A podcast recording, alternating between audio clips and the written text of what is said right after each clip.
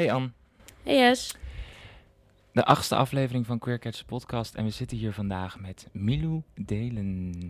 Woe. Welkom, hallo. Dankjewel, hallo. We gaan het hebben over jouw, nou ons hoofdonderwerp is het feminisme. Oké, ja, ja, en, eh, want ik dacht, daar weet je, eh, daar weet je waarschijnlijk eh, wel het een en ander over. Mhm. en ehm, ja, ik, ik heb er zin in. Ik ook. Welkom bij Queer Catch, de podcast. Catch. Queer catch. Catch je mij voor de queer catch. Ik ben een queer catch. Welkom bij weer een nieuwe aflevering van Queer Catch, de podcast. Wat zeg je dat toch altijd prachtig? Ja, ik heb musical gedaan, hè? Ja, hoe ik maar dan had je, het moet eigenlijk moeten, dan had je het eigenlijk moeten zingen. Oké, doen we de volgende keer. Oké. Ja? Dan hou ik je op hoor. Was Volgende ik al week. voor. Ja, nee, het is echt zo. Nee, is goed. Ga ik doen. Lieve mensen, wij zitten vandaag hier in de Tolhuistuin met Milou Delen. Welkom. Dankjewel. Wat leuk dat je er bent. Vind ik ook heel leuk. Thanks voor de uitnodiging. Ehm, wij gaan het vandaag met, over van alles hebben, maar laten we meteen maar gewoon beginnen met het eh, rubriekje zonder naam. Yes.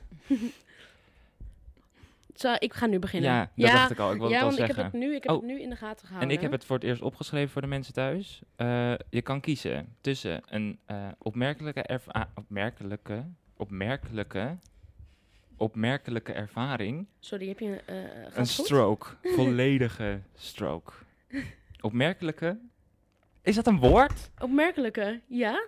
Toch? Ja, ja, Ik kijk. Ja. ik- Opmerkelijke ja. er- ervaring? Dat zeg ik dat altijd? Ja. Nou, oké. Pak hem maar door. Een opmerkelijke ervaring, of een douchegedachte, of een besefmoment. Yes. Ehm, ja, ik denk dat ik het toch een beetje serieus heb weer. Dat meen je niet. Ja, maar dat zijn dat dingen overkomen mij en daar wil ik het dan over hebben. Ja, dat is, dat is, daar is het voor. Nou, kijk, ik eh, ehm, ben natuurlijk... Ik ben wat groter. Ik ben wat dikker. En ik vind het dus opvallend. Daar heb ik trouwens verder dus niet zo van... Oh, zielig, weet je wat, dat, dat is allemaal niet. Maar het is meer van... Ik snap niet zo goed dat ik op kledingsites... bij een apart kopje moet shoppen. Zeg maar bij grote maten. Ik vind dat, zeg maar... Is dat Dan zo? heb je zeg maar eh, nou ja, jassen, lingerie, bla bla bla, grote maten. Huh? Ben ik een categorie? En ik vind het zo Oh. vreemd. Ik zat vandaag op bij H&M en toen dacht ik... En het is ook onhandig voor mij, want dan voor iedereen die daarop moet klikken. Want je komt dan vervolgens in grote maten waar alles staat. Dus dan moet je vervolgens nog een filter en nog dingen gaan zoeken om uiteindelijk bij je juiste ding te komen. Oh. En dus heel veel dingen, als je dan denkt, eh, reclames of zo van ehm, eh, kledingmerken die op Instagram voorbij ziet komen. Dat je denkt, oh leuk. Op klikken hebben ze dan niet groter dan de maat L. En dan denk ik, dat is niet eerlijk. Nee. En is het dan wel even leuke kleding? Of is het ook stommer of zo? Nou, soms dan bijvoorbeeld met lingerie of zo. Dan denk ik, ja, het is echt gemaakt om meer te bedekken. Terwijl dat is niet per se mijn intentie met lingerie, zeg maar. Dat ik dat dan weer meer wil bedekken. Dus eigenlijk ze er echt iets aan moeten doen. Zeg maar, dan is de lingerie gemaakt om... Nou, dan is het dus minder kant, of het is hoger omhoog, of het, je wordt meer afgedekt. En het is natuurlijk ook zo misschien comfortabeler. Dus dat, wat dat betreft is het ook niet. Het zijn waarschijnlijk mensen die daar heel goed eh, kunnen shoppen, die dat heel Ja. fijn vinden. Ja. Uh, maar voor jongere mensen denk ik dat dat misschien wat minder leuk is. Ja, ik heb, ik heb een eh, vriendin en zij heet Tatjana Amelie. En ehm, zij is eh, ook schrijver en journalist. En eh, zij zit ermee dat... ehm, zij is dik en dat, dat ze bij heel veel leuke kledingwinkels niet kan shoppen. Ja, En, dan, en dat ze ook meer eigenlijk duurzaam of vintage willen shoppen, maar dat het eigenlijk niet kan. En dat ze dan toch vaak op ASOS en andere merken zit. Of bedrijven waar ze eigenlijk minder zou willen winkelen, maar dat ze nou eenmaal daartoe gedwongen is, omdat Ja. er minder keuze is. En nu zag ik op haar Instagram vorige week dat ze dan bij, ja, ik weet even niet of ik haar naam goed zeg, maar Lotte van Eyck. En die heeft nu een kledingmerk opgericht. Eh, ja, voor grote maten, of voor dik zijn, of ik weet niet precies hoe ze dat benoemt. En dat is dus allemaal fucking coole kleding. oh. En ik, ja, en ik, ik wauw, en ik zag ook Roxanne Hazes en ik zag allemaal coole, vollere vrouwen die dan allemaal en ook allemaal kleding die iedereen wil hebben. En dat dat dat, dat, dat een Ja. soort gat in de markt was dat, omdat Dat dat, is dus ja, omdat het letterlijk een gat in de markt was. Dus Ja. Nee, precies wat je zegt met dat ja. vintage. Want ik wil dat heel graag. En ik ga met jou vaak mee naar, eh, met Jesse vaak mee naar vintage winkels. Alleen, ik kan daar blouses kopen, hartstikke leuk. T-shirts kan ik er kopen, maar broeken nooit. Ja. En dat soort dingen moet ik echt naar. eh, nou, de Primark is zeg maar niet een goed merk qua hoe ze het misschien doen Ja. met kleding maken. En het is super goedkoop. Maar die hebben altijd de juiste maat. En die Ja. gaan altijd tot hoge, grotere maten. Ja. En dat vind ik bij een urban, eh, hoe noem je dat? Urban Outfitters, ja. niet. Ja. Nee. Terwijl Nee. ik dat zeg maar ook wel leukere kleding vind soms. Ik ben toen met jou gaan wezen winkelen. Toen was jij ook helemaal verbaasd van. ja, dat, dat, Het dat- gaat ja. gewoon niet verder dan een L. En bij de ene is een L een S. En bij de andere is een L. Zeg maar, pas ik het ineens Nou ja, wel. dat het ook, zeg maar, die kleding daar is ook gemaakt om oversized te zijn voor dunne mensen. Ja. Wat echt heel lelijk is eigenlijk. Terwijl dat wat ik draag natuurlijk. Maar dat is, niet- dat is, toch, dat is super unfair. Ja, Ja. want als ik het aandoe is het echt niet oversized. Nee. dus dat is een beetje jammer. Maar dat viel me op vandaag. En toen dacht Ja. ik, ja, ik vind dat we daar niet genoeg over praten. Want het is, het is niet alsof het eh, heel weinig voorkomend iets is dat dikke mensen er zijn, zeg maar. Dus nee, totaal Nee, niet. nee, nee. zeker Maar is dat dan ook als je, zeg maar, eh, naar gewoon winkels toe gaat? Of is het alleen on- online? Is het als je zeg maar, naar een winkel gaat? nog erger. Ja, want Vind ik dan... nog erger. Want dan, dan, dan alles wat ik zie is bijna niet in mijn maat. Dus ik ga dan ook echt alleen naar de winkels. Ik ga wel met andere mensen zakken, maar ik het sowieso aan shoppen. Ik heb een hekel aan. Maar Ja. eh, als, ik, eh, als ik wel ga, dan... Ik weet niet, met, met vriendinnen vroeger vond ik dat al stom. Want die gingen allemaal dingen passen. En ik, eh, van de kleding die dan zij gingen passen, paste ik het niet. Ja. En dat is, ja, nou ja, helemaal als je tiener bent. Ik ben, ik ben er nu wel een beetje overheen dat, dat awkward en dat bij willen horen. Maar dan is dat echt niet leuk. Nee. Dat je dan die dingen, dezelfde dingen niet aan kan. Dus nu ga ik gewoon niet naar die winkels. Of ik weet gewoon heel goed waar ik heen moet. Ja. Maar ik zou liever vintage en eh, wat duurzame dingen willen kopen. Ja. Maar Ja. dat is er gewoon nog niet echt. Maar dat is wel een goede tip dan. Ja. Ga ik even opzoeken. Ja, zeker. Ja. Zo meteen in het begin van de aflevering. Hatsa. Hop. Hoppakee. Hoppa, tip 1. Gelijk al geheim. en jij, Jes? Eh, ja, nu kom ik. Ja. Dus gaan we er een beetje voor. Ik heb een... eh, ik heb een eh, wat had je, dit was een opmerkelijke... Of besefmoment? Besefmoment. We hebben het weer niet gezegd. Nou, het is oké. Oké. ik heb een opmerkelijke ervaring. Want eh, ik was naar de kruidvat. En we hebben het al vaker gehad in deze podcast over de kruidvat. Omdat je altijd... Daar is een soort vloek in de kruidvat. Want ik ging daarheen om iets te kopen waarmee ik iets op kon plakken. En ik kwam naar buiten met een Pride Libello, twee tandpasta merken die ik nog nooit in mijn leven had geproefd of, ges- of wilde kopen en een elektrische tandenborstel. Oh, ja. ja. En dat hele ding van het ophangen was er niet, dus dat heb ik ook niet gekocht. Maar goed, punt is, gaat over de elektrische tandenborstel. Want in de afgelopen 20 jaar, sinds dat, oh, ben niet zo jong, maar goed, de afgelopen 20 jaar eh, is er altijd tegen mij gezegd, je moet elektrisch poetsen als je bij de tandarts komt. En je zegt altijd, ja, is flossen en elektrisch, elektrisch poetsen. Maar nog nooit gekocht in mijn leven, want die dingen zijn ongelooflijk duur. Dus Ja. ja, ik kan dat niet. En eh, dus maar toch, geda- toch gedaan, want ik was in de kruidvat. En eh, dus ik excited, Ja. want ik vind tandenpoetsen ook echt een leuk iets. Oh ja? Ja, ik ben echt Oh. fan van tandenpoetsen. Jij niet? Nee, als ik één bezigheid zou mogen schrappen, Ja, echt. Oh. ja, dan zou het echt... Ik vind dan ook zo stom. Oh. Maar ik, moet, ik doe het wel hoor, maar ja, omdat het moet. Ja. Ja. Maar wat vind je er leuk aan dan? Ja. Ik vind het dus gewoon zo'n, ik vind het een beetje een soort zetmoment. Oh, ik ben ja. altijd druk namelijk. Dus ik heb gewoon een hele routine die ik altijd af, in de avond in ieder geval. S ochtends, dan moet ik het vaak of in de douche doen, want anders heb ik geen tijd. Waarom lach je nou de hele tijd? Omdat ik je bij me thuis zou voorzien met dat stomme handdoekje wat je altijd nodig hebt. Dan kom je, heb je nog een handdoekje aan? dan moet hij helemaal overal heen lopen om vervolgens een hele routine met een handdoekje te Ja, doen. jij hebt nooit handdoeken lig- liggen waar ze horen. Gewoon op mijn kamer liggen ze. Nee, Oh, daar nee. liggen ze nooit. In ieder Ga geval, door. Sorry. elektrisch poetsen dus. Dus ik, excited over elektrisch poetsen, knijtere hoofdpijn krijg ik ervan. Oh. Huh? Van, van ja, want dat ding en dat dreunt zo tegen. En ik heb ook het, het idee. Dus ik dacht, oké, ik overdrijf, want ik ben een hypochonder, dus alles is vervelend en pijnlijk. Maar, ehm, ehm, en, maar dus toen kon ik niet slapen, want ik had zoveel hoofdpijn. Huh? Maar heb je het ook... Nee, je moet nooit iets googlen. Maar heb je het gegoogeld van Nee, dat, tandenborstel, a.k.a. hoofdpijn of nee, dat durf ik dus niet. Nee, nee, moet je ook misschien niet Maar ik ben, ik ben nog niet gestopt. Ik heb gewoon gedacht, je gaat door. Maar toen de volgende ochtend dacht ik, oké, misschien was het dan andere, had het, weet je, had ik te veel gedronken of zo. En toen 's ochtends was het weer. Oh, Oh ja. wat gek. Maar het is ook misschien omdat ik eh, ook veel dingen doe tijdens het tandenpoetsen. Dus dan heb ik hem zo in mijn mond en dan, was het en dan eh, nou ja, voor de mensen thuis zullen ik het niet zien wat ik nu doe, maar dan zit het zeg maar tegen me verhemelte aan. Gehemelte, Oh ja. verhemelte. Ehm, Verhemeld. ja, het kan allebei, toch? Ja, ja. Verhemelte. Verhemelte of gehemelte. Oh, nou nooit gehoord. Ja.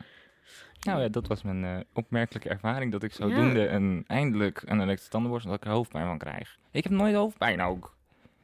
Nou, dat is heel bijzonder, Ja, ja. en verdrietig Moet je ook. toch maar even opzoeken, denk ik. Of ik doe het wel voor je. Ja, doe jij maar dan. maar dan krijg je weer, je hebt een tumor. Ja, dat is, Dat is het altijd. altijd. Uiteindelijk maakt niet uit wat je hebt. Altijd tumor. Je krijgt mijn nagellakken niet af. Je hebt een tumor. dat is echt... Nee, ja, Google is, is een ja, gevaarlijke plek. teen, teen doet pijn, tumor. ja. Ja. Oké. Goed. Wacht even, ik moet het even opzoeken. nee, we krijgen het liedje nog een keer. Oh ja, oké. Yes. Oké, we gaan door naar het vraagvuur. Ah, ik heb het. Ben je er klaar voor? Ja, nou, nou ja, zeker. Ja, kom Dus gewoon op intuïtie antwoorden. Niet te lang over nadenken. Oh. Ehm, Is het ja of nee? Of... het is dit of dat.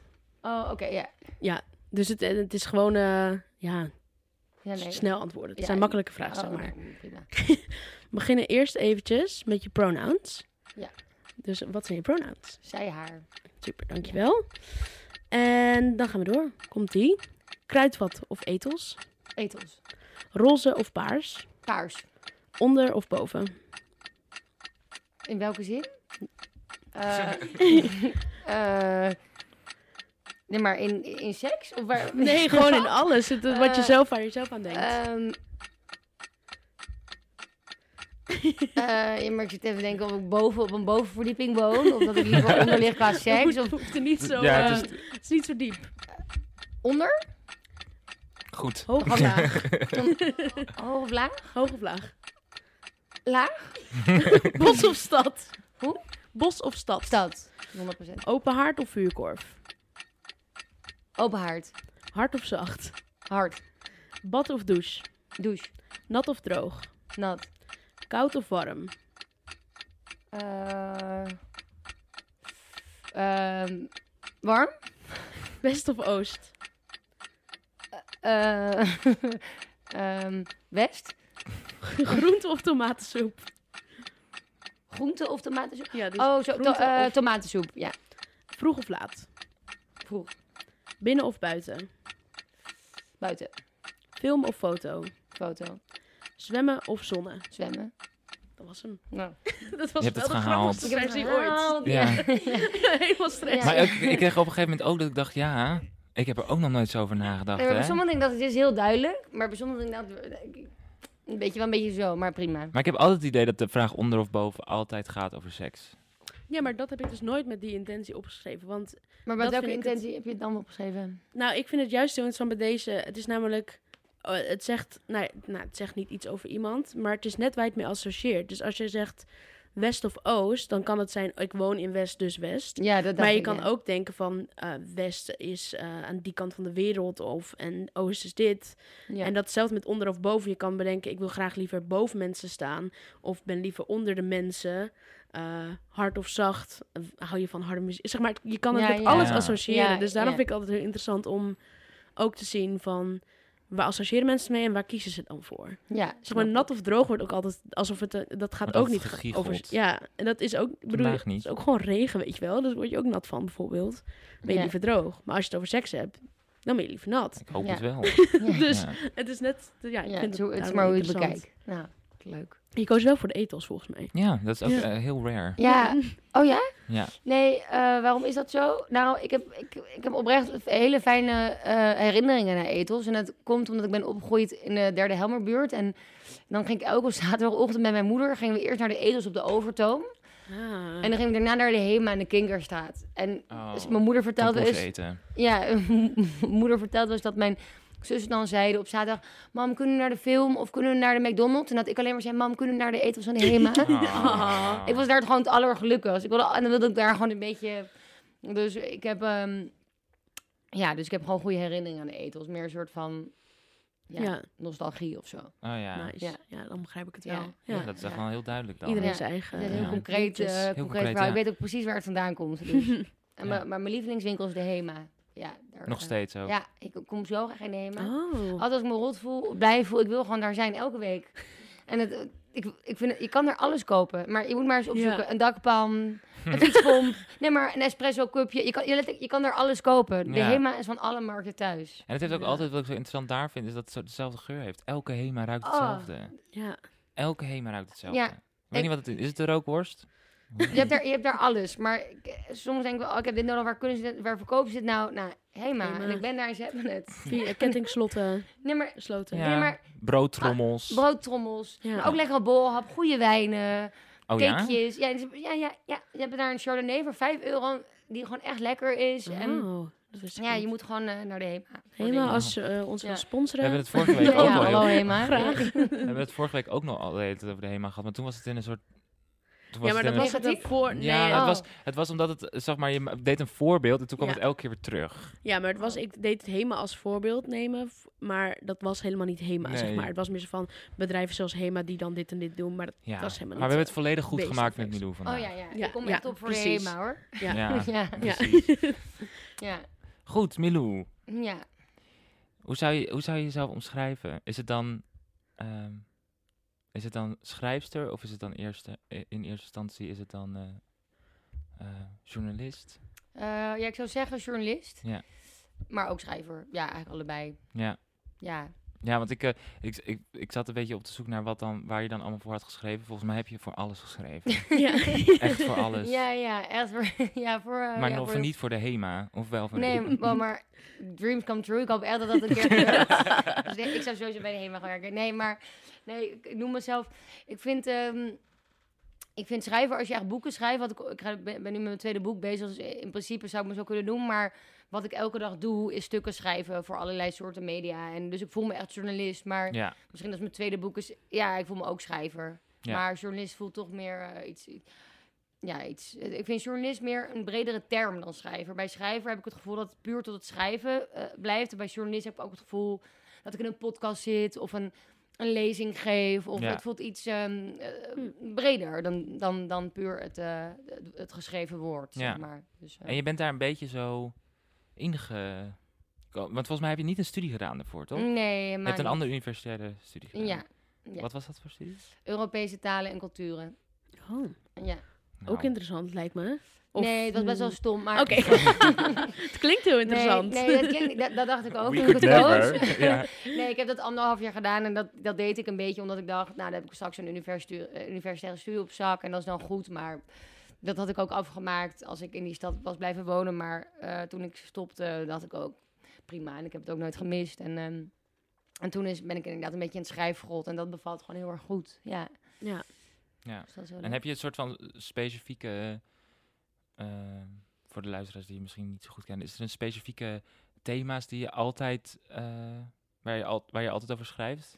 Ja, ik, ik denk wel. ehm, het, wordt wel steeds breder. Dus het begon heel erg met. ehm, en wat nog steeds ook zo is. eh, en wat hopelijk ook altijd zo zal blijven. Is feminisme, gender, LBTQ plus E-rechten. Dat zijn onderwerpen die me heel erg nou, aan het hart liggen. Dus dat vind ik gewoon heel erg belangrijk. En zo is het ook het schrijven begonnen. Maar ik merk wel dat omdat ik ook eh, ja, breder ben dan dat en meer interesses heb, dat het ook steeds breder wordt. En dat ik me ook steeds meer journalist voel in plaats van alleen feminist. Dus eerst voelde ik me heel erg een feministische journalist. En feminist zou ik altijd blijven, want dat vind ik gewoon super belangrijk. En dat laat ik nooit meer los. Maar ik had laatst bijvoorbeeld een stuk geschreven dat ik een dat ik eh, niks met dieren heb, bijvoorbeeld. Of nu heb ik, en ik doe heel veel interviews de laatste tijd, Ja. dat helemaal niet. Dus nu van alles en dat voelt ook heel erg goed. En natuurlijk zit daar altijd feminisme in, omdat dat onlosmakelijk verbonden is met wie ik ben. Maar het is wel iets breder. Dus eigenlijk schrijf ik over van alles. Mentale gezondheid, ook laatste tijd ook veel. Eigenlijk, ja, eigenlijk van alles. Heel Ja. leuk. Zo breed, dus Ja. super. En is het dan gewoon zo dat je,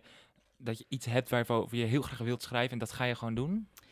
Eh, ja, ja. En eh, het, klinkt een, een beetje een, een luxe positie, wat het ook is. Maar ik denk dat ik van mijn klussen, denk dat 90% krijg ik, word ik ingehuurd. Ja. Dus Milou wil je over dit schrijven. En ik denk dat ik 10% zelf pitch. Oh, oké. Dus dat is super Oh, ja, weinig. En als journalist, en dan vooral op deze leeftijd, is dat ook een luxe. Maar ik merk toch wel vaak dat de stukken die ik zelf pitch, dat ik daar dan, ja, dat, dat, dat, dat, dat ligt dan, ja, dat ligt dan helemaal dichtbij me. En dat, dat vind ik ook vaak dat no- toch nog echt, echt iets leuker. Maar Oh, het is ja. ook heel fijn dat ik altijd zoveel werk heb, omdat, ehm, En mensen komen ook naar mij toe, eh, merken of tijdschriften of whatever, met opdrachten die goed bij mij passen, weet je wel. Ze gaan Oh, niet ja. bij mij iets komen voor het soort van economie in het bedrijfsleven. Daar, daar komen ze niet bij mij. Nee. Het zijn altijd onderwerpen waar ik ook affiniteit zelf mee heb. Dus Ja. eh, eigenlijk de combinatie van zelf pitchen en ehm, eh, opdrachten naar me, die naar me toe komen is eigenlijk echt ideaal. Super fijn. Ja. Ja, Ik denk ook dat je wel eh affiniteit met een onderwerp moet hebben om er goed over te kunnen schrijven. ja, ik in ieder geval wel. Of ja. juist niet misschien. Als je heel erg een, ergens tegen afstoot of zo, dat je dan heel interessant is om juist te kijken van waar dat vandaan komt. Misschien, weet ik niet, ben benieuwd. Misschien wel, maar bij mij werkt het goed inderdaad. Dat ik, ik moet er altijd iets bij voelen. Of, of Ja. ik moet heel boos zijn of heel verdrietig. Of ik moet me erover opwinden. Of het moet persoonlijk zijn. Ik, ik, ik- ja, er zijn ook mensen, journalisten, die over iets kunnen schrijven wat hun totaal niet interesseert. Nou, dan zou ik echt nul gemotiveerd zijn om daar Ja. één seconde tijd in te stoppen. Dus dat doe ik eigenlijk ja. ook niet. Dus Nee. nee, dat, nee, dat interesseert me dan niet. Ja, Ja, er zijn ook gewoon heel veel boze journalisten altijd. nee, ik ben ook wel eens boos. Ja, Eh, zeker, nee, er is genoeg om boos over te Ja. zijn. Dus dat ook wel, maar ook niet altijd. Maar- nee. Ja, dus eigenlijk gewoon lekker breed. Een beetje, beetje gewoon... Oh ja, het lijkt me eigenlijk wel chill. Als je altijd gewoon... eh, Als je dan goed kan schrijven, Ja, ja, dan heb je gewoon altijd een... eh, dat is leuk. Wat, wat een, wat een eh, artikel was die mij heel erg bijbleef, was een van de Volkskrant was dat, over ehm, nou eigenlijk queer representatie bij eh, corporale studentenverenigingen. Oh, leuk. Ja, ja. En toen kwam ik dus ook achter dat jij daar zelf ook Mhm. een beetje... En wij hebben het best wel vaak gehad over, de, omdat wij, wij kennen eigenlijk helemaal, of ik, nou ja, jij en jouw ex, dan laten we het daar eens over hebben. Nou, laten we het niet Exen, over... ja. Ja, ex in studentenverenigingen. Ook een onderwerp, ja. Ja. Maar dat, dat wij ons altijd afvragen, hoe zit het daar met de... ehm, ja, met de, ja, met de rep- representatie. Acceptatie.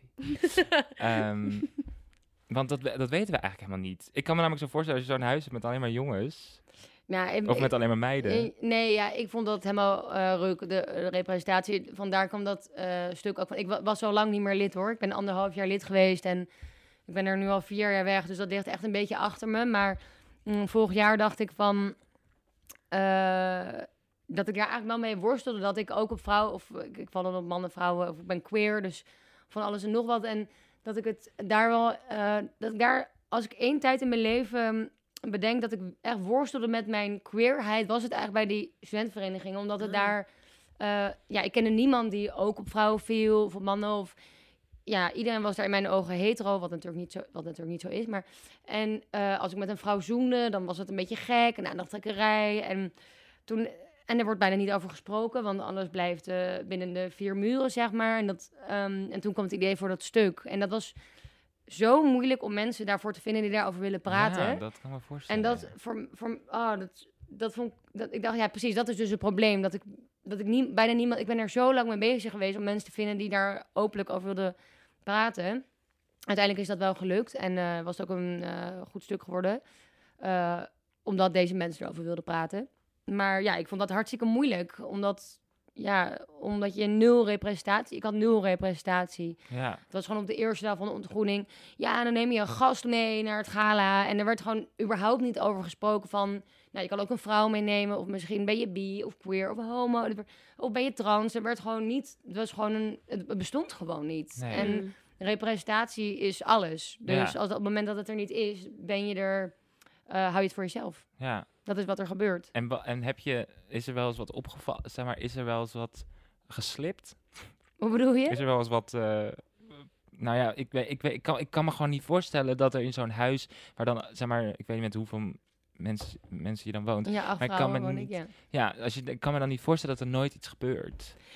Ehm, met, een, met iemand van hetzelfde gender of Ja. hetzelfde, ja.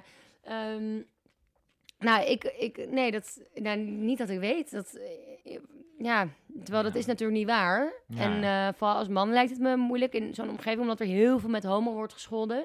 Oh ja. Dus homo, homo. En dat heeft natuurlijk super veel impact op het moment dat jij nog in de kast zit. Of, eh ook Ja. al ben je- of uit de kast, maakt eigenlijk überhaupt niet uit. Maar, en ik zoende of had wel seks met vrouwen in Amsterdam, dus waar ik vandaan kom. En ik studeerde destijds in Groningen. En dan, ja, dan was dat gewoon een beetje, ah, werd een beetje weggelachen of een beetje van Mensen aandachtstrekkerij. wisten dat wel. Ja, want ik heb dat wel snel gezegd van, ik eh, heb wel seks met vrouwen of ik vind dat denk ik wel interessant. En dan was het, ja, dan was het een beetje van clubgenoten hoorde. En dan was, oh ja, het is echt aandachttrekkerij. En, eh, Ja, er zit Ja. ook natuurlijk een oordeel over mensen die op mannen en vrouwen vallen, of die bi zijn of queer. Daar, ja, daar zitten gewoon veel voor, vooroordelen over en veel stigma's op, die we moeten doorbreken, denk ik. Ja. Ja. En hoe moeten we dat doen bij die eh, verenigingen? Moeten we daar met regenboogvlaggen naartoe komen rennen? Nou, bijvoorbeeld. Ja.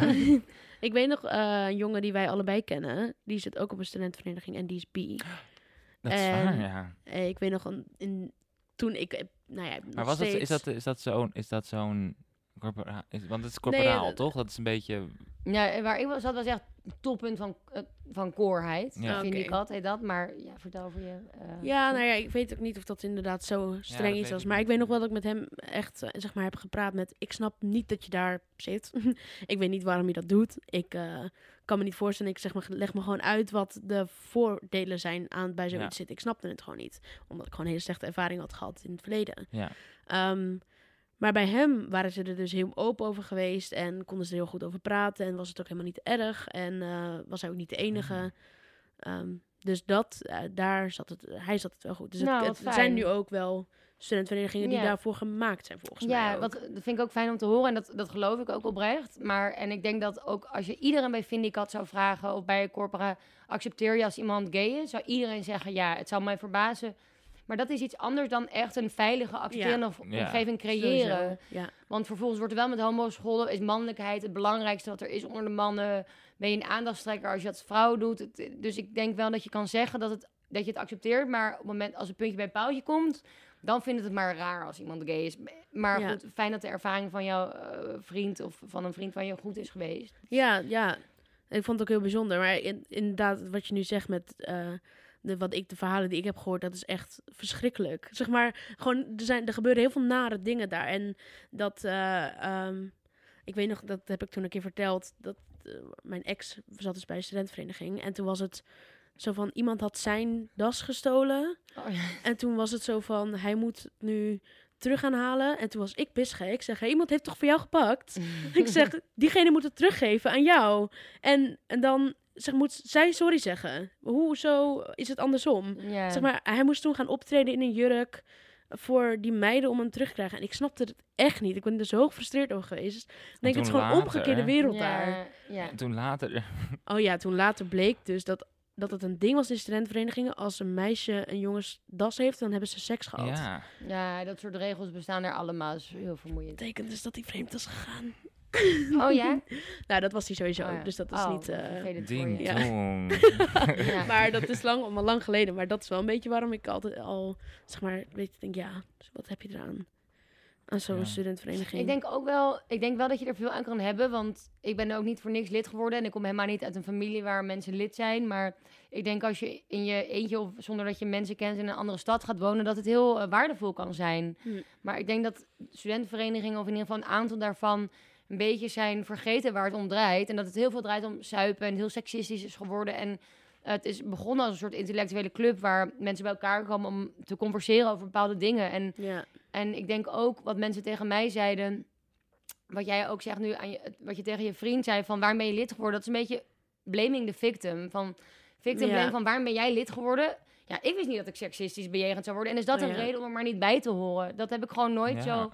Ik wil gewoon bij een groep kunnen horen of iets kunnen doen... zonder dat ik bang ben dat mannen mij kapot gaan maken... Om, omdat ik een vrouw ben.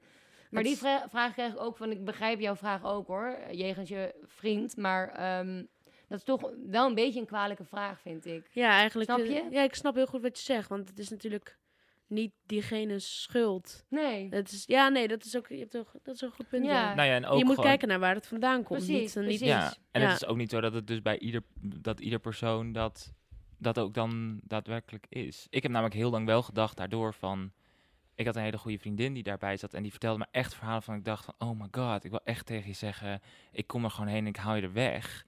Maar ja, eh, zij, zij ja, vond dat eigenlijk ook wel heel erg leuk. Ja. Ja. En dan dacht, en ik, ik zat dan altijd, het is misschien een goede brug naar het hoofdonderwerp, van, hè, maar kan je dan, kan je dan, kan je feministisch zijn als je bij een, bij zo'n, bij in, zo'n omgeving Ja. bent? Ik, ja, als leek, als iemand die niet wist hoe, dat daar gaat, dacht van niet. Ik Ja. zag, aan wat ik hoorde, dacht ik echt, oké, dan, dan moet je wel, dan, dan zal je waarschijnlijk geen eh, feminist zijn, of, of, of dan zou je in ieder geval niet, eh, ja, Maar d- dus dat is Ja, goed, snap een ik brug Goeie brug. gemaakt. Hele Ik goede moet brug. altijd complimenten krijgen voor mijn brug, want die zijn altijd heel slecht.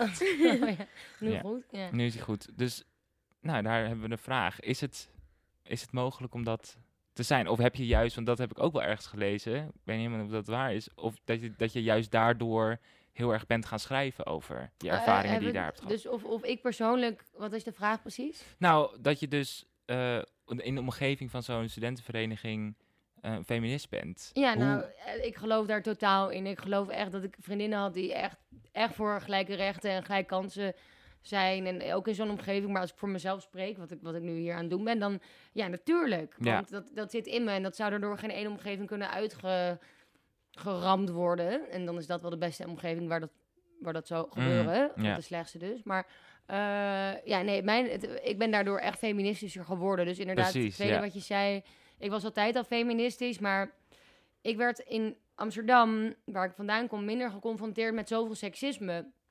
Wat hier natuurlijk ook is, het is overal. Maar ik, ik, kwam, ik kom uit een hele vrijgevochten, eh, vrij, eh, vrijgevochten gezin, veel queer mensen. Ik was, eh, en opeens, mijn, opeens barstte mijn wereldbeeld een beetje toen ik daar kwam. Van, huh, waarom is iedereen hier zo ouderwets en conservatief en seksistisch? En ik werd daar daarmee voor het eerst zo geconfronteerd op die manier. En daardoor ben ik opgestaan en heb gezegd: dit is niet oké. En vrouwen worden anders hier behandeld dan mannen. En dat is seksisme. Mhm. Dus ik, ik, ik ben het eigenlijk die omgeving heel dankbaar. Dat klinkt een beetje tegenstrijdig, maar echt, want ik ben er door zo feministisch geworden. En eh, ja, dat heeft me echt gebracht. Dat heeft me alles gebracht, het feminisme. Dus Ja. ja. je kan feministisch zijn en in een seksistische omgeving je bevinden. En voor mij heeft dat me dus eh, echt feministischer Eigenlijk, ja, gemaakt. zelfs Dat roept het heel erg op, denk ik ook, ja. Ja, want als je in een Ja. omgeving zit waar je denkt dat het niet echt nodig is, voel je misschien ook niet de drang om je er zo over uit te spreken. En dat voelde Nee. ik dus blijkbaar echt heel erg. Ja, Ja. Dus ja. er is toch wat moois dan uitgerold nog. Zo Ja, van, ja, ja, zeker. Nee, Ja. heel erg. ja. Ja, nee, zeker. Ja. En hoe was dat dan in, in de omgeving daar?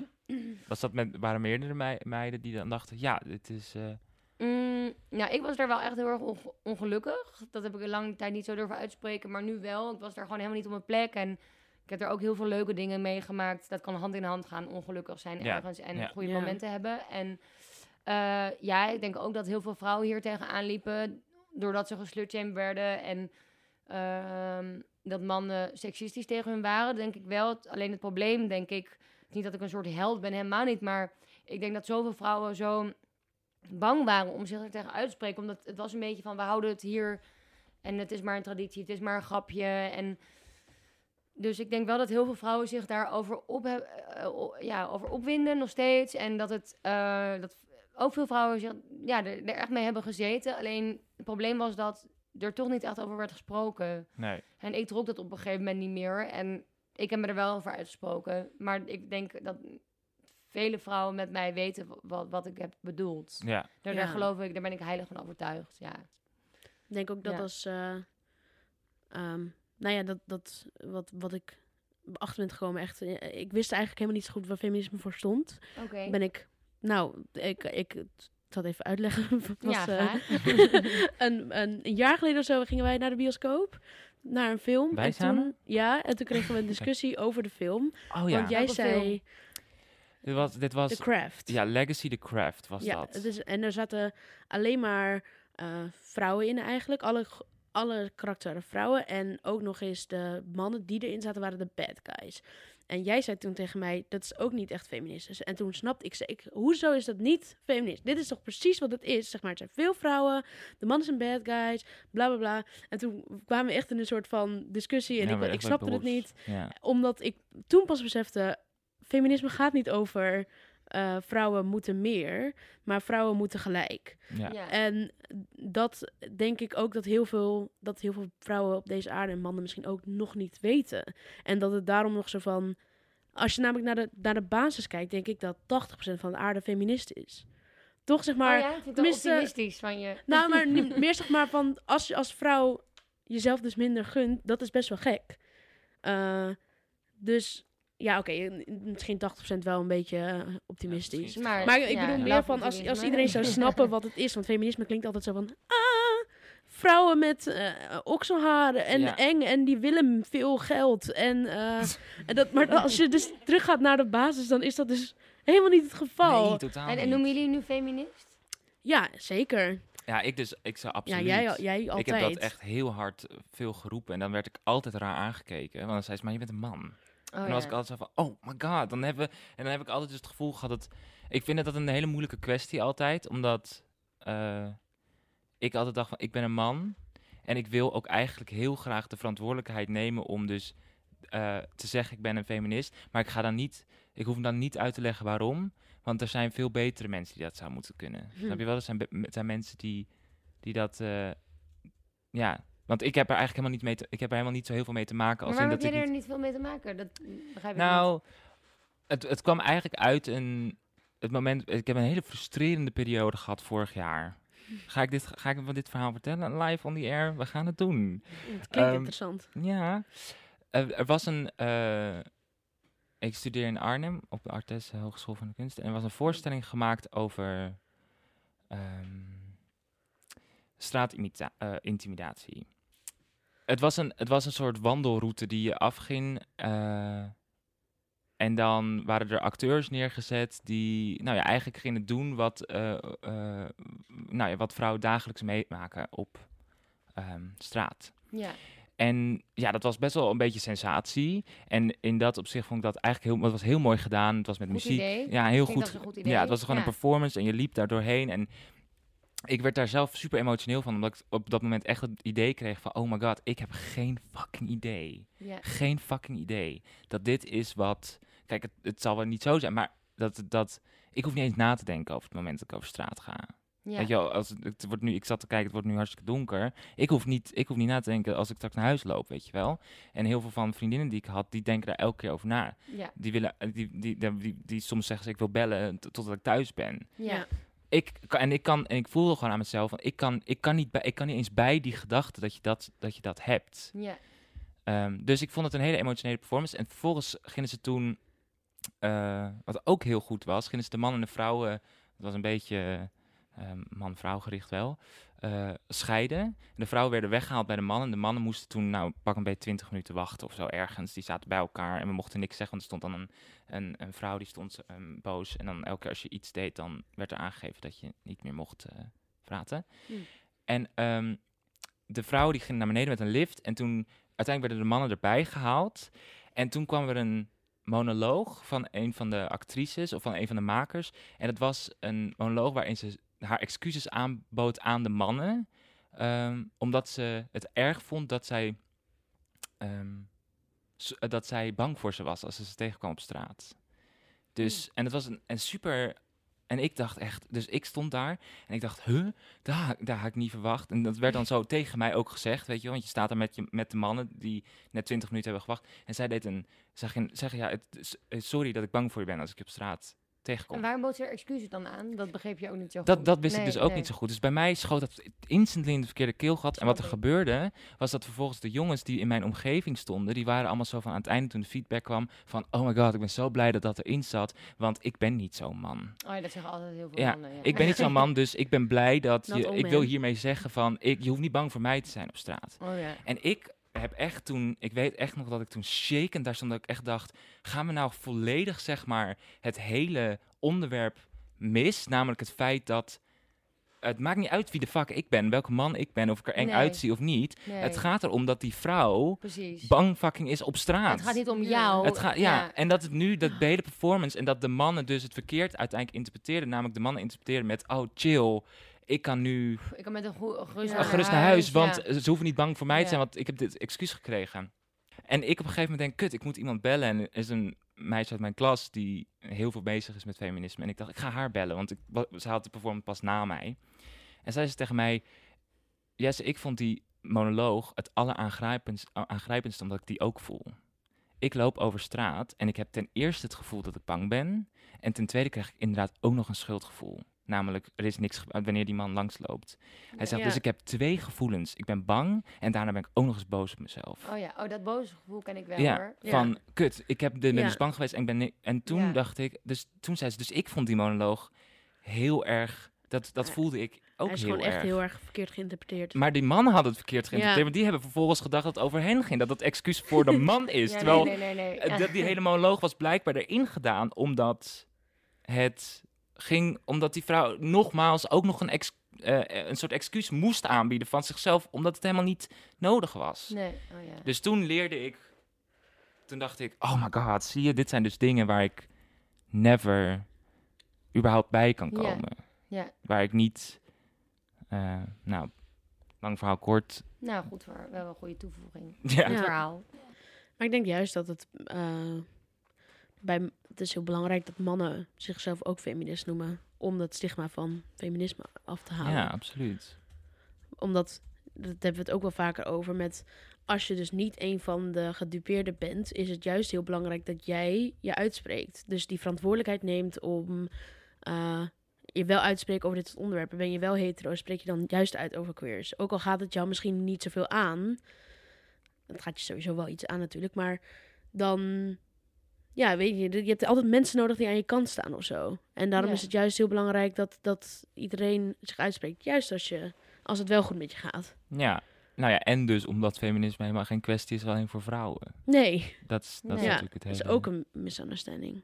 Enorm, ja. Ja. Ja. Er zit gewoon heel veel, eh, eh, ja. Maar ik denk inderdaad van juist, ik heb gewoon wel echt vaak meegemaakt van, als ik dan iets tegen een groep mannen zeg, dat het dan niet echt, dat ze niet echt luisteren of niet echt serieus neemt. En dan zei mijn beste vriend, en dat is dan een man, en die zei dan, en dan, dan ging er... Oh. Oh, oh. Dat heb ik echt zo vaak meegemaakt. En dan werd er wel naar geluisterd of het serieus genomen. Want als eenmaal een man het dan zegt, dan, dan is het wel zo of zo. Dan is het de moeite Ja. waard in ieder geval om te luisteren. Het zou ook niet zo moeten zijn. Nee, dat is zo fucked up. Maar Ja. goed, dat is, als we dat nu nodig hebben, dan doen we het daar eventjes mee. En dan komen we straks wel... eh, weet je wel, dan- soms moet je even Ja. over de streep gaan. Dat zeg ik ook met dus queer representatie in films. Dan nu maar even alle films daarover. Precies. En dan gaan we straks wel even een goede maat dat is wel weer een goede, om, waar we mee begonnen over die film. Dat vind ik namelijk wel een interessante om even nog te bespreken. Omdat wat die film deed, waarom ik daar zo boos om was, was niet... Kijk, ik vind prima dat allemaal een bad guys zijn. Ik bedoel, I, I love that. Ik haat films met, met zeg maar alleen maar, zeg maar geen vrouwelijke... Want ik denk altijd, ja, waar, waar, waar, kijk naar? Zeg maar, als er, als er geen goede vrouwenrol in zit, dan kijk ik de film al niet. Maar wat me frustreerde aan die film was, was dat ze praktisch eigenlijk daarmee zeiden van... je moet dus mannen slecht maken om een vrouw sterk te laten zijn. Ja, Dat was Oh wat, ja, dat was ja. wat, wat mij tegen... Want zij, die mannen waren zo naar. ongelooflijk gemeen en echt for no fucking reason. Ja. En daardoor werden de vrouwen heel sterk. En daarmee vond ik, impliceerde de film dat je alsnog dus een, een gemene man nodig hebt om een sterke vrouw te zijn. Oh ja. En dat, dat vind ik gewoon niet waar. Nee. Ik vind films waarin de vrouwen de, de, de grote, de goede personages zijn, omdat ze zo zijn. Want dat is wat een vrouw is. Dat vind ik veel, dat is veel meer representatie. Ja. Ja. Wat al- alsnog veel te weinig gebeurt. Of in ieder geval, Ja, ja. ik vind dat ze in... eh, nou ja, Marvel is niet zo heel goed met queer representatie, maar wel goed met eh, vrouwenrepresentatie. Gewoon over sterke vrouwen. Vind je niet? Je kijkt me zo aan, van dat, dat je daar niet mee eens bent. Ah, Ik ik bedoel, als je niet, kijkt naar alle vrouwelijke karakters in die in de Endgame en zo, de laatste films, dat, alle, dat is best wel weegt Ja, maar best ze wel op zijn tegen zeg maar elkaar. zo'n zo'n zo'n 15 jaar geseksualiseerd in die hele Ja, film. dat is waar. Je bent, jij bent feministisch en gewoon, je spreekt je heel erg over uit. Ehm, is het iets waar je in je hoofd, zeg maar voor jezelf, jezelf ook in corrigeert? Soms dat je denkt, kijk, ik heb dat wel eens, dan zie ik een vrouw en daar denk ik dan wat van. En eh, ik zal nooit iets zeggen eh, en ik zal het ook niet bespreken met vriendinnen of vrienden, maar gewoon eh, dan, dan denk ik daar iets slechts over. Dan wil ik mezelf ook in mijn hoofd corrigeren. Maar we zijn zo erg opgegroeid met dat je vooroordelen hebt over mensen. Vraag me af of jij dat, hoe, je ermee, hoe je daar zelf mee omgaat en of je daar ook heel erg streng voor jezelf bent. Of dat je denkt, ja, dat is nou gewoon eenmaal. Nee, ik heb dat natuurlijk ook. Nee, ik heb dat natuurlijk ook. Ik heb, ja, ik heb nog steeds vooroordelen over eh, vrouwen die bijvoorbeeld parttime werken. Ehm, terwijl ik niet vrouwen als individu veroordeel, want ja, ik, je moet het als een groter geheel zien. En dan kan ik nog steeds denken, huh, zodra er een kind is, dan stop jij echt met werken of parttime. En uh, huh, je, je mannelijke partner, waarom is het zo vanzelfsprekend? En dan kan ik Ja. er heel onaardig over denken, of misschien gewoon kritisch. Ik weet niet per se of het onaardig is, maar Ehm, soms kan ik daar wel veroordelend in zijn. En dan probeer ik meer eh, wel tegen mezelf te zeggen van... Oké, maar we zijn opgegroeid in de maatschappij. Ja, ook we moeten hem altijd zo te moeten denken. Maar, want waarom kan je niet gewoon niets onaardigs denken? Maar eh, ik probeer zelf toch altijd wel co- te corrigeren van... Oké, we zijn gewoon opgegroeid in een maatschappij waarin vrouwen... In, in Nederland eigenlijk. Waarin vrouwen part-time werken. En zo je op met een moeder die thuis zit. En de vader die werkt. En dan, ja, nee, ik heb dat ook totaal. Dus ik heb daar niet een soort... Ja, ik probeer meer nooit... Of ik probeer zo min mogelijk individuen daarop af te rekenen en meer het in een groter geheel te zien. Maar soms lukt dat ook helemaal niet hoor. Hoeft ook helemaal niet altijd. Maar Nee. ik kan daar wel, ja, ik kan vrouwen ook, ja, natuurlijk erin veroordelen. Of laatst, ehm, ik keek zo'n heel dom programma en dacht ik, oh, deze vrouw is zo dom. En toen bleek het eigenlijk dat ze echt acht studies had gedaan en vier, Oh. weet je wel, zo ziek. En dan kon ik gewoon niet geloven dat een vrouw die er in mijn ogen zo dom uitzag, ook zo slim, weet je wel, kon zijn. Dus natuurlijk Ja. allemaal vooroordelen, terwijl je kent er geen eens. Ja. Dus ik kan wel heel, heel- ja, wat ik dan doe, ja, gewoon dat niet in ieder geval, in ieder geval niet onaardig daarover uitspreken. En, Nee, dat sowieso. en een beetje zelf bevragen waarom denk dat nou eigenlijk en waarop is dat gebaseerd. En ja, ik denk dat het uiteindelijk komt omdat je, omdat je als vrouw toch iets moet zijn of zo, een bepaald plaatje. En als je daar niet aan houdt, dat je dan wordt veroordeeld of zo. Ja. Ja, Nee, dat is, het, is, het is gewoon heel erg die... Want je, je, je hoofd doet het automatisch. ja En, tuurlijk. Maar omdat ik denk, ik wil, ik wil ook niet, ik wil ook niet zulke dingen denken. En dan, dan baal ik ervan, waarom, ik zeg, ik zeg het niet, maar ik denk dit nu wel. En het is waarschijnlijk weer helemaal niet waar. Eh, Maar is het in de trant van als, als een... Als een is het als iemand te sexy is gekleed? Eh, nou, daar ben ik wel op zich, daar ben ik heel snel van afgegaan of zo. Dat had ik vroeger ook. Dat ik van ja, nou ja, als je er zo uitziet, dan wil je gewoon likes of zo op Instagram. Of als je Oh, zo. ja. En nu denk ik, ja, al wil je dat, eh, of zeg maar, je vindt het waarschijnlijk gewoon fijn om dit te dragen. Of eh, ja, al wil je likes met deze foto, dan is dat ook prima. Dus dat, dat gaat wel steeds beter. Maar als ik mensen heel veel, eh, ja, weet niet, vertellen over heel veel bad partners of zo. Nou dat vind ik eigenlijk nu alleen maar cool als mensen dat vertellen. Ja. Maar dat was vroeger ook gelijk. Van, Ja, oh, je hebt al na drie maanden seks gehad. Dat was vroeger bij ons in Putten echt een beetje een ding. Zo van, Nou ja. na drie maanden al. Wow, zo laag. ja, dat, nu denk ik echt, wow. Dat, Jij je, niet dat, je ja. drie maanden hebt volgehouden. Ik, ik mijn eerste vriendje helemaal niet. Lang volgehouden. Maar ook zo logisch dat je, je groeit gewoon op in een wereld met bepaalde eh, denkbeelden over dingen. Ja. En ja, dat is gewoon heel logisch dat je daar ook zo over denkt. Dat Ja. vind ik helemaal niet gek, toch? Ik bedoel, Nee, nee, het is ook niet gek. We zouden, de, waar we naartoe zouden willen of moeten, is dat je dus niet opgroeit in zo'n wereld. Dus dat je die gedachten al niet hebt. precies. En ja, inderdaad. Ja. Ja. Ik werk in een babywinkel en eh, daar komen dan mensen voor eh, echt voor een net als ze, of ze zwanger zijn, kleding, dingetjes kopen of bedgoed of eh, weet ik veel lakens. En ik krijg zo vaak de opmerking, ja, vind ik een beetje voor meisjes eh, dit. Dit kan niet voor een Oh, jongen. ja. En dan zijn het bloemen. Eh, en dan denk ik, oh, dit is echt zeg maar niet. En dan wel de dinosaurussen, zeg maar, die kunnen wel voor jongetjes. Oh. En dan denk ik, dit is echt waar het misgaat. Als je dan Ja. zo jong, meisjes bloemen, heel kwetsbaar, heel erg eh, mooi en mooi eruit zien. En jongens dino's, hard en, en sterk. En weet je wel, dat is een beetje waar je het mee associeert, Ja, toch? Dus dan, ja, ik en ik weet klant, eh, klantvriendelijk moet zijn, maar ik zit dan echt zo van, kan ook voor, voor mannen hoor. en het is allemaal genderneutraal, want we zijn echt een hele genderneutrale winkel. En wat ik juist heel fijn vind eraan, zeg maar, het is eigenlijk die baby, door, die baby, die zal het nooit het herinneren. Of die nou bloemetjes had. Nee, Ja, nee, Dat is dan toch eh, meer voor de ouders dan. Ja, Ja, ja. En, eh, dat, daar moeten we ook vanaf. Daar begint het. zeker. Het begint al bij eh, gender review parties. Ja, Absoluut. ja. Nou ja, en gewoon wat natuurlijk heel vaak nu gelukkig wordt gezegd, is dat niet eh, eh, je dochters beschermen, maar je zonen opvoeden, zeg maar. Toch? Oh ja. Dat zeg Ja. je goed? Ja.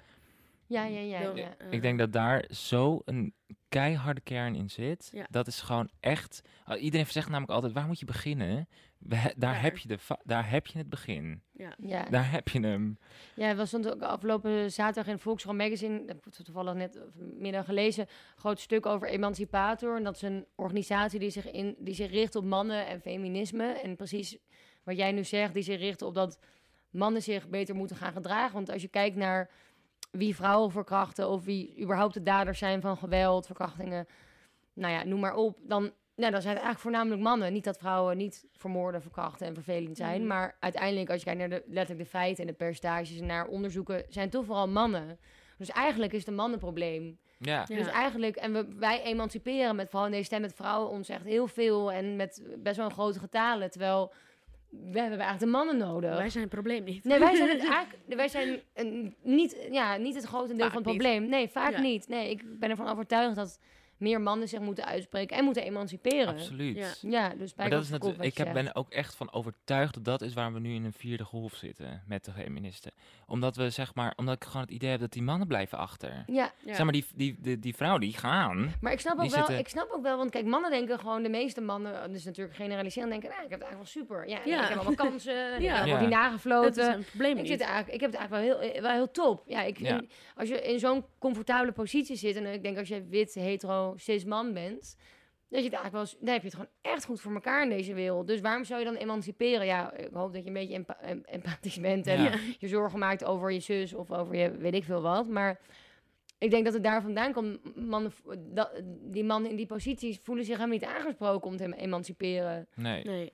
Terwijl als, als zwarte transvrouw of überhaupt als vrouw of als queer vrouw, of als, dan je, je kan niet anders dan je, je, kan, je moet wel Je emanciperen, moet, want je, je, je raakt jezelf mee in aanraking. Je weet Ja. hoe het is om je onveilig te voelen. Je weet hoe het is om verkracht te worden en allerlei zaken waardoor je, ja, terwijl er ook vrouwen zijn die zich niet eh, feminist noemen, maar dan moet je wel of zo. Ja. Dus Ja. ik denk dat mannen hopelijk de noodzaak inzien dat het gewoon dat het voor een betere wereld is, ook voor mannen zelf, want je zit ook vast in een soort schild of harnas of hoe noem ik dat van je mag niet huilen en al die dingen van eh, je mag niet kwetsbaar zijn en je moet Ja. dit leuk vinden, je moet bier drinken en van voetbal houden, en je moet veel vrouwen neuken en anders ben je ook niet cool. Het lijkt me ook niet, het lijkt me ook niet een super positie, maar je Nee. bent wel veilig.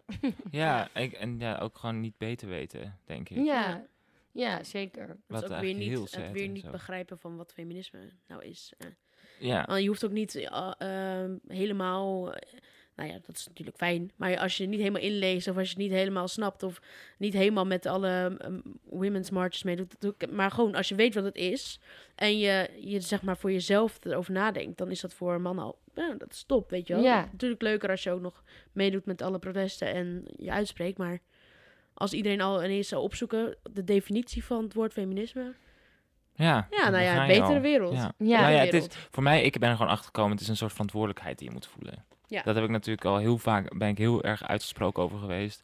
Maar ik denk het echt, als je eenmaal die verantwoordelijkheid voelt, Ja, inderdaad Ja. wat jij zegt van, eh, ik als witte man eh, zal nooit begrijpen hoe het is om zwart te zijn of om een vrouw te zijn. Ehm, ik word geboren in een, eh, zeg maar, aan mij hoef je niet te zien dat ik queer ben, snap je wel? Ik denk dat je dat nu ondertussen wel een beetje ziet, maar goed, whatever, dat is een ander verhaal. Maar dat, ik heb niet in ieder geval dat, die, snap, en die, als je die verantwoordelijkheid, als je dat snapt, dan, dan ga je wel. Dan, dan kan je voortaan vanuit alles een soort van een beetje kijken. Kan je een beetje dat, dat brilletje opzetten. ja, dat denk ik ook. Ja. En hoe zit het dan, daar ben ik wel benieuwd naar, met vrouwen die zich geen feminist voelen.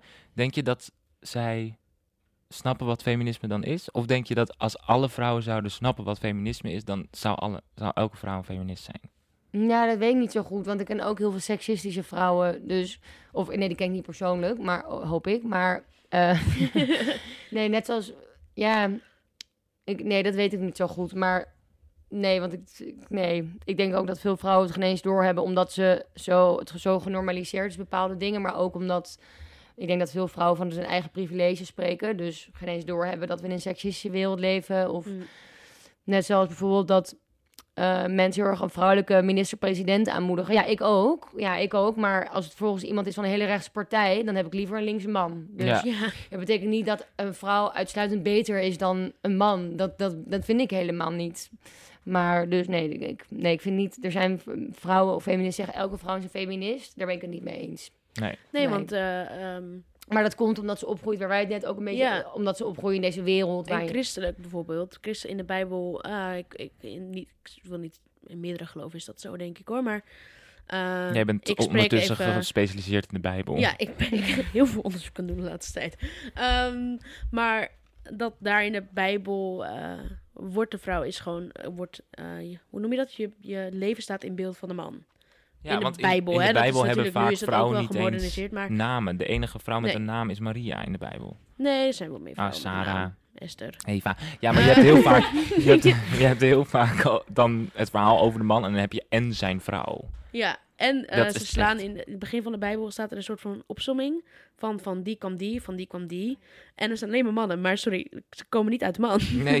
Nee. Eh, Ja. dus, dus best wel eh, noem de vrouw. Maar eh, dat is ook, dus als je christelijke vrouwen en in Amerika zijn ze er best wel. eh, in Nederland ook wel in de Bijbelbeeld en zo. Maar die hebben ook niet de behoefte om daarboven te gaan staan. Of zeg maar om tegelijk met de man te staan. Die vinden het helemaal Ja. fijn om hun. Nou, fijn. Ben jij, ben jij christelijk? Of? Nee, Nee. nu niet meer. Nee. Ik zal mezelf niet meer christelijk Maar was, ben je wel opgegroeid in... Ja, ik denk dat ik echt de afgelopen Jij komt midden uit de, de Bijbelbelt, Oké. Ja, omdat ik nog steeds mijn onderzoek aan het doen ben naar de Bijbel, dat ik op een gegeven moment dacht, nou, ik, eh, nee, ik ben nu op dit moment niet gelovig. Oh ja. Ja.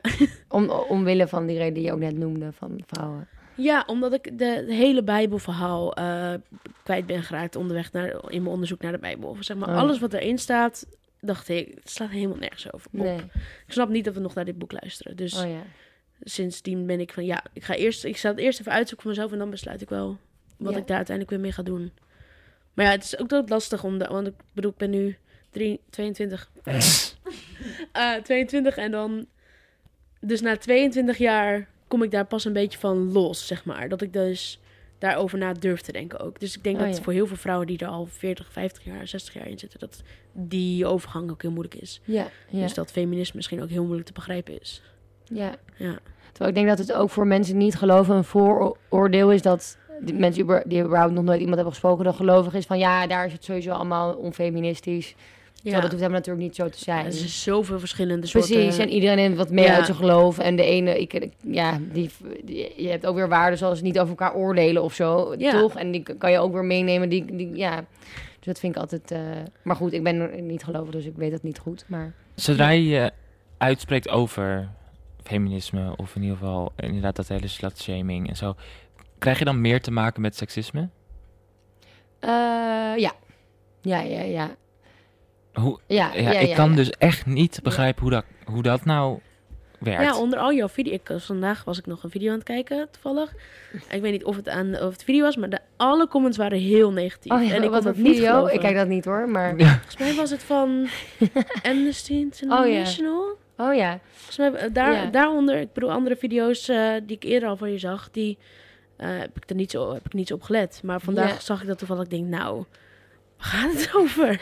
Ja, nee, ik, maar ik, ja, ik, ehm, ja, want dan, ik denk dat het gewoon dan heel veel internethaters en zo eh, Ja. naar boven komen. Want bijvoorbeeld op mijn Instagram valt het laatste tijd echt heel erg mee. En ehm, bijvoorbeeld ik, eh, onder YouTube-video's of zo kijk ik niet, want ik weet dat dat gewoon, ja, gewoon echt bagger is. Maar ja, want dan krijg je gewoon het, het, de internet trollen. En dat is Ja. niet zoveel, ja, dat is niet zo super. Nee. Het is ook niet, Nee, ja. ja, dus dat het is ook niet eh, zoveel waard, eigenlijk. Nee, nee, nee. Nee, ik, ik ben blij dat ik het niet allemaal heb gelezen. Of, eh, dat, daar voel ik me ook helemaal, heb ik helemaal geen behoefte aan. Dus. Je hebt, je hebt, er, niet zoveel, je hebt er niet zoveel aan. Je kunt beter de leuke... Of, oh, nee, kritiek is altijd wel fijn. Ja, Feedback kan ik het beter noemen. Zeg maar dus dan iemand dat je dan... Maar dat gaat vaak meestal privé. Zeg Nou maar, ja, dat is en- meer dat iemand je en privé ook een onderwerp-. Een onderwerp als feminisme, daar hoeft niet zo heel veel feedback op. Nee, dat is Zeg waar. maar- ja, maar dat vinden mensen wel. Ja. Ja, maar dat is- eh, ik vind dat ook een, een rare ja. Ja, ding. Zeg maar, ja. maar ja, dan kom je inderdaad weer in die hele categorie vrijheid van meningsuiting. Nee, maar mensen voelen juist... Ik, ik heb denk ik de meeste haat... Ja, ik, ik heb... ehm, bijvoorbeeld toen ik... Het was volgens mij was nog in de lockdown... Toen had ik een foto gepost... Dat ik zo mijn buik geschreven... Baas in eigen buik. En abortus is echt... Het allergevoeligste onderwerp. Wat, wat, wat ik me ook kan voorstellen. Want mensen denken dan... Of waar ik het niet mee eens ben... Maar dat het... vinden dat het over moord gaat. En daar voelen zich mensen heel erg tot geroepen. Waar ik me dus wel op zich in kan verplaatsen. Maar...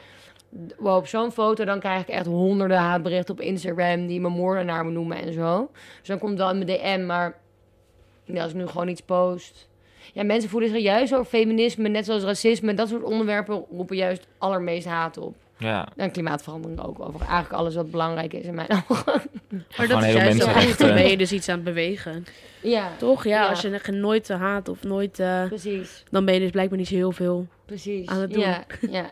Maar ze lezen het wel allemaal. Ja, ja, Ja, dat is wel goed. zeggen. Ja, nee, dat is waar. Ehm, ja, wij moeten een beetje het, eh, het hoofdonderwerp afronden. Zie ik hier eh, een knikkende show.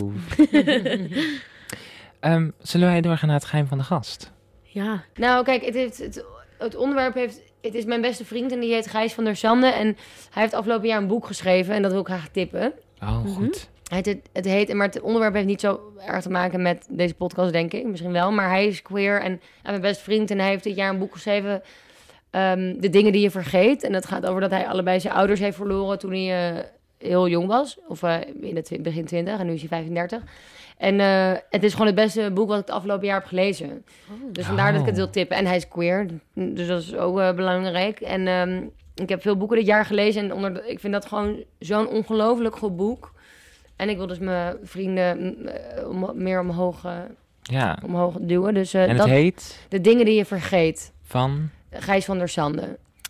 top. Nou, bedankt voor het onthullen van je geheim. ja, dat is niet echt een geheim, maar in het kader van de rubriek. Ja. Ja.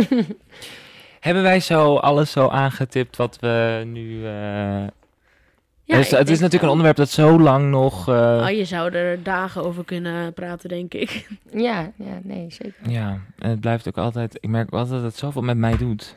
Zo, ja, zo moe. vermoeiend. ja. Dat is goed. Maar dat is die verantwoordelijkheid. Dus dat is eigenlijk Ja. alleen maar ja goed. dat is alleen maar goed. Ja.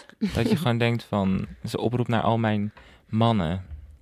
Mannen, Ja, sta, heel goed. Dat, eigenlijk toen we net dit gesprek hadden, dacht ik, er is één heel goed boek. En ehm, dat heet Waarom feminisme goed is voor, voor mannen. Ja, En dat is geschreven door Jens van Tricht, die Emancipator heeft opgericht. Die organisatie waar ik net over vertelde. En dat is, ik heb dat boek toen een jaar lang aan al mijn mannelijke vrienden die jagen waren cadeau gegeven. Dat kost 15 euro of zo dan voor hun verjaardag. Want dat is zo'n goed boek.